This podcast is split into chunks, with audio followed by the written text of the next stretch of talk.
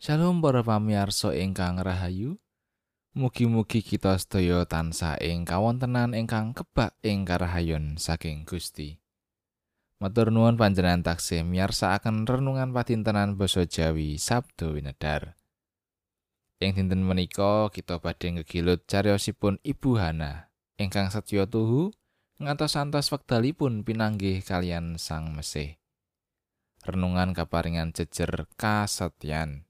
Sumangga kita ndedonga. Duh Gusti Allah Pangeran ingkang murbeng dumati, kawula para abdi kagungan paduka, suwan marak ing ngarsa paduka. Ngaturaken panuwun syukur. Awit berkah pangrimat ingkang saking paduka tansah kawula raosaken ing sauruting gesang kawula. Ing wekdal ingkang mirunggan menika, kawula badhe nampi sabda pangandika paduka. Mugi kawula kasagetna mangertosi lan nindakaken dawuh paduka menika. Kawula ngrumaosi Duh Gusti, minangka titah ingkang kebah ing dosa, tasih dereng saged nindakaken dawuh paduka kanthi sampurna. Mugi Gusti kersa paring gunging pangaksami. Wonten ing asmanipun Gusti Yesus Kristus, kawula sampun ndedonga lan saos syukur. Amin. Wawasan kapendet saking Lukas bab kalih ayatipun tigang dosa 6 ngantos sekawan dosa.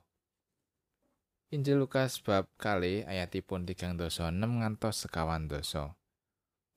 Lan maneh ing kono Iono nabi wadon jenenge Hana anake Fanuel saka taler Asher wis tuwa banget. Sawise omah-omah banjur urip bebarengan karo bojone pitung taun lan saiki wis rondo kang umure wolung puluh papat taun. Ora mengeng saka ing pedalaman suci rina wengi anggone ngabekti kelawan poso lan ndedonga. Nalika iku dheweke ya mrono lan ngunjukake panuwun marang Gusti Allah sarta nyeritakake bab sang timur mau marang sakabehing wong kang padha nganti-anti marang pangluarane Yerusalem.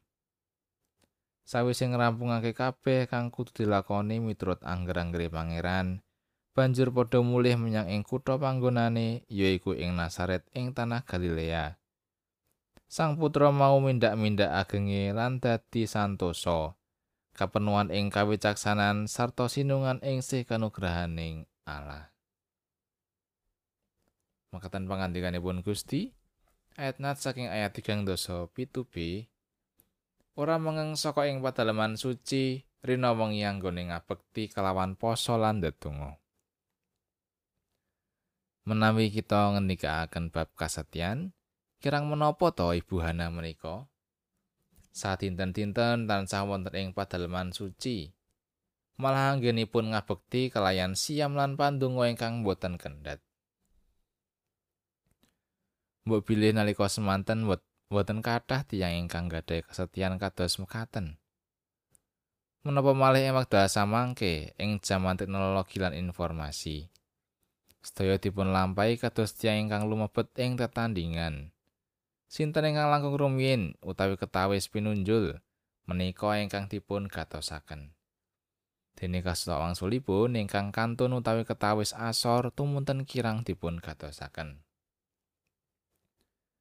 Tiang ingkang sedaya dinten-dinten tansah wonten ing pedalaman suci menika asring kaanggep minangka tiang ingkang lampahipun randat Mila awis-awis dipun gatosaken dening tiang sanes menapa malih dipun karohaken. Mbok pilih tiang-tiang ingkang mekaten malah dipun tepi awit kawawas mboten limrah. Amargi Ibu Hana sadinten-dinten tansah wonten ing wedalaman suci. Lajeng saged kemawon kaanggep tiang ingkang boten limrah.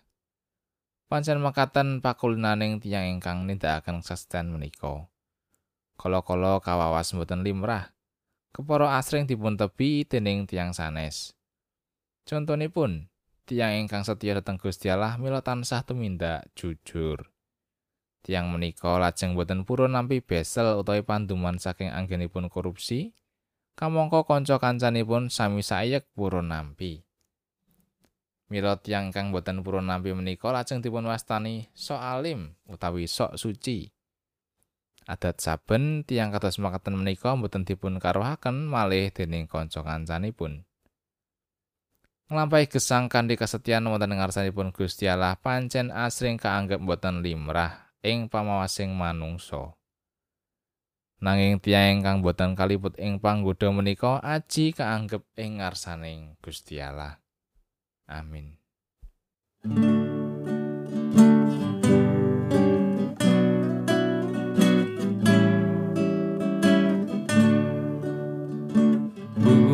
Puji mringala pangeran kang moho wiseso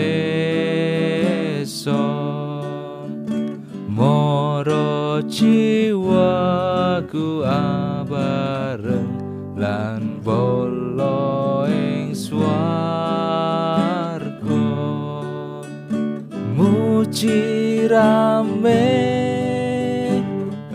nenokong lan bende trapon wong lumpung lembono